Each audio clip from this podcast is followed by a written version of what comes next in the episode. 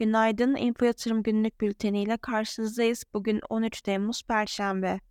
BIST endeksi haftanın 3. işlem gününü %0,33 değer kaybıyla 6342 seviyesinden tamamladı.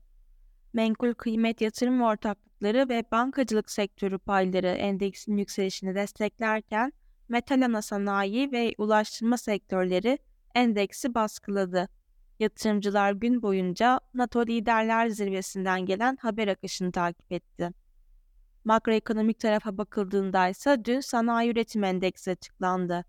Buna göre geçen ay %0,9 daralan sanayi üretimi Mayıs'ta aylık bazda %1,1 arttı.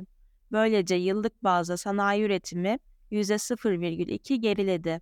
Bugünse perakende satış verileri odakta olacak.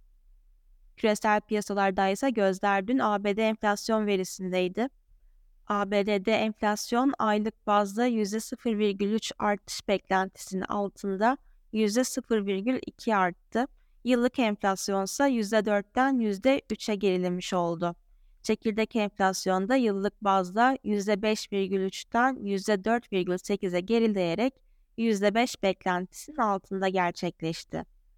Geçen yılın aynı ayında %9,1 olarak açıklanan enflasyonun %3'e gerilemesi piyasalarda risk iştahını artırsa da veri FED'e ilişkin beklentilerde değişikliğe neden olmadı.